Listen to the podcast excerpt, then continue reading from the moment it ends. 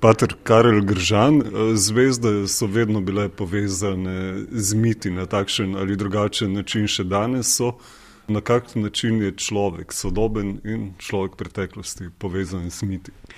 Ja, miti so zakladnica eh, spoznan, ampak na način, ki se eh, ne daje v manipulacijo. Sam rad primerjam eh, mite kot bi rekel eni konzervni eh, škatli, ki často opremljeni, zato da ustavi naduteže, odpre se pa tistim, ki pristopijo k zgodbi na spoštljiv način.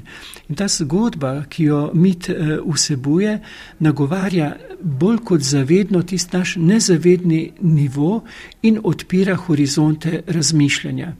Mitska zgodba je lahko na videz zelo banalna, ampak je v njo zakodiran koncept odpiranja zavesti. Zato je potrebno brati mite z odprtostjo, z spoštljivostjo, kajti v nekem trenutku, če govorim iz lastnega izkustva, ko pravzaprav niti ne razmišljaš ob mitu toliko racionalno, ti sama mitska zgodba odpre uvid v tisto nadaljno, kar je usvobojajoče za človekovo življenje z nadutostjo to ni mogoče. Ne, Eh, mit ima varovalo, ne? zato je tako, bi rekel, na vides lahko bi rekli kičast, eh, protisloven celo, preprosto zato, da nadute še eh, ustavi pred vrati, jih ne pusti naprej v obnebje, bom rekel, kar svetega. Ne? Tudi se ve, recimo, kelti druidi ne?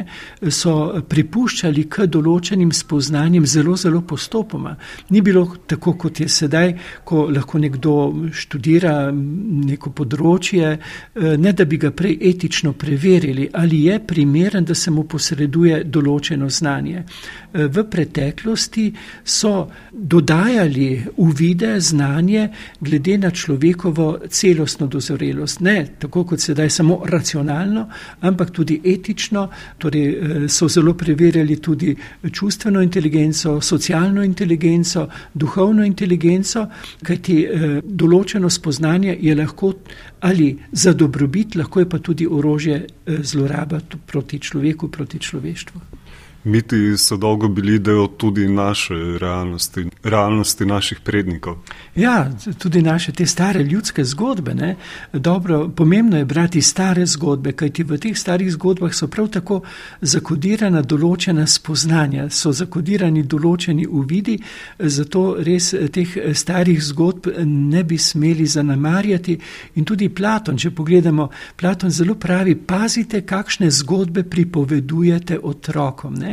Kajti zgodba ne govori globlje, ne govori celo razsežnost nezavednega, ukodira določene, bi rekel, smernice ravnanja potem in zato je recimo tudi strani manipulantov tako velik interes odstraniti stare zgodbe, ker so kodirale žlahtnost, ker so kodirale principe prijetnega človekoljubnega medsebojnega sožitja in vnašajo svoje zgodbe, ki pa so dejansko podtaknjene zato, da služi človek interesu eh, pač tistih, ki imajo z človeštvom določen namen. Zgodbe so simbol, unesejo model, ne samo zgodbe, tudi igre. Če dam za primer, recimo človek ne jezi se, ne? to je zgodba, ki pravzaprav govori, kako je pomembno druge preskakovati, misliti samo na svoje in kako ni nič hudega, je celo užitek druge izbiti iz igre. Nekdo bi rekel, da ja, to je nedolžna igra. Ni nedolžna. Eh, ob tej igri ni samo zgodba, je tudi obred. Ta igra je obred, ki dejansko unese na nezavedni nivo informacijo, eh, kodo, po kateri potem človek samoumevno ravna. In na koncu je to tisto, ne, Bogu hvala, nam je še dobro, kako je pa drugim, nas pa niti ne, ne zanima. Poskrbimo samo za svojo hišo, samo za svoje, do drugih pa brezbrižnost. Tako da je to Platonovo, bi rekel, staro naročilo velikega misleca zelo, zelo aktualno.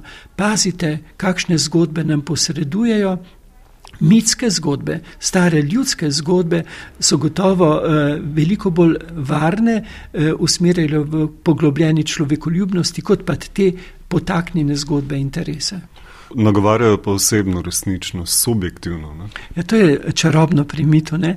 da vsakega nagovarjajo osebno. Ne? Govori, mit je nikoli izčrpana informacija.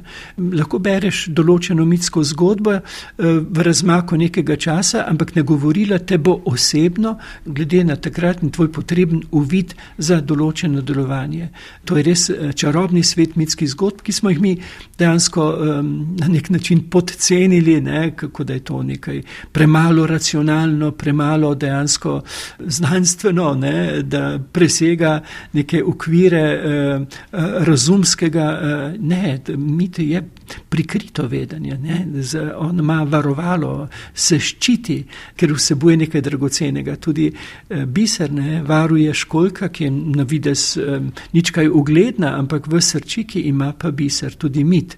Na vides morda nič kaj ugleden, v srčiki ki pa je bogatstvo za človeštvo, je bogatstvo za posameznika, je bogatstvo za tistega, ki prebira mit ne samo zgolj z racionalno inteligenco, ampak s celostno inteligenco, torej tudi z zaznavnostjo, občutljivostjo, ki se potem posreduje človeku.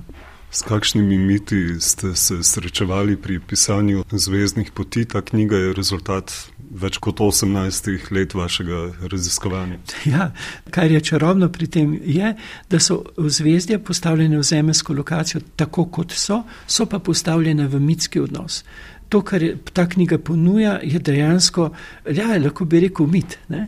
ker bo odpirala mnogim na raznolike načine nadaljne uvide, ker bo dala misliti. In pomembno je v tej knjigi, da ni to dorečena resnica, ampak je dejansko snov, ki bo odpirala misel, ki bo odpirala uh, določene uvide, uh, ki naj bogatijo uh, čas in prostor našega bivanja. Ljudje so lačni te hrane. Tudi danes je bilo polno tukaj. Ljudje so lačni ne več dokončanih resnic, ampak materijala, ki jim da misliti. Ne? In pomembno je, da, da si damo misliti, če prebiram recimo sam stare modrce, stare filozofe, vsaka njihova misel mi da misliti. Misel je pomembno odpirati, ne pa zapirati v resnice. Prihaja čas, ko ne bomo več govorili, jaz imam resnico, ampak bomo govorili, moja spoznavna resničnost je.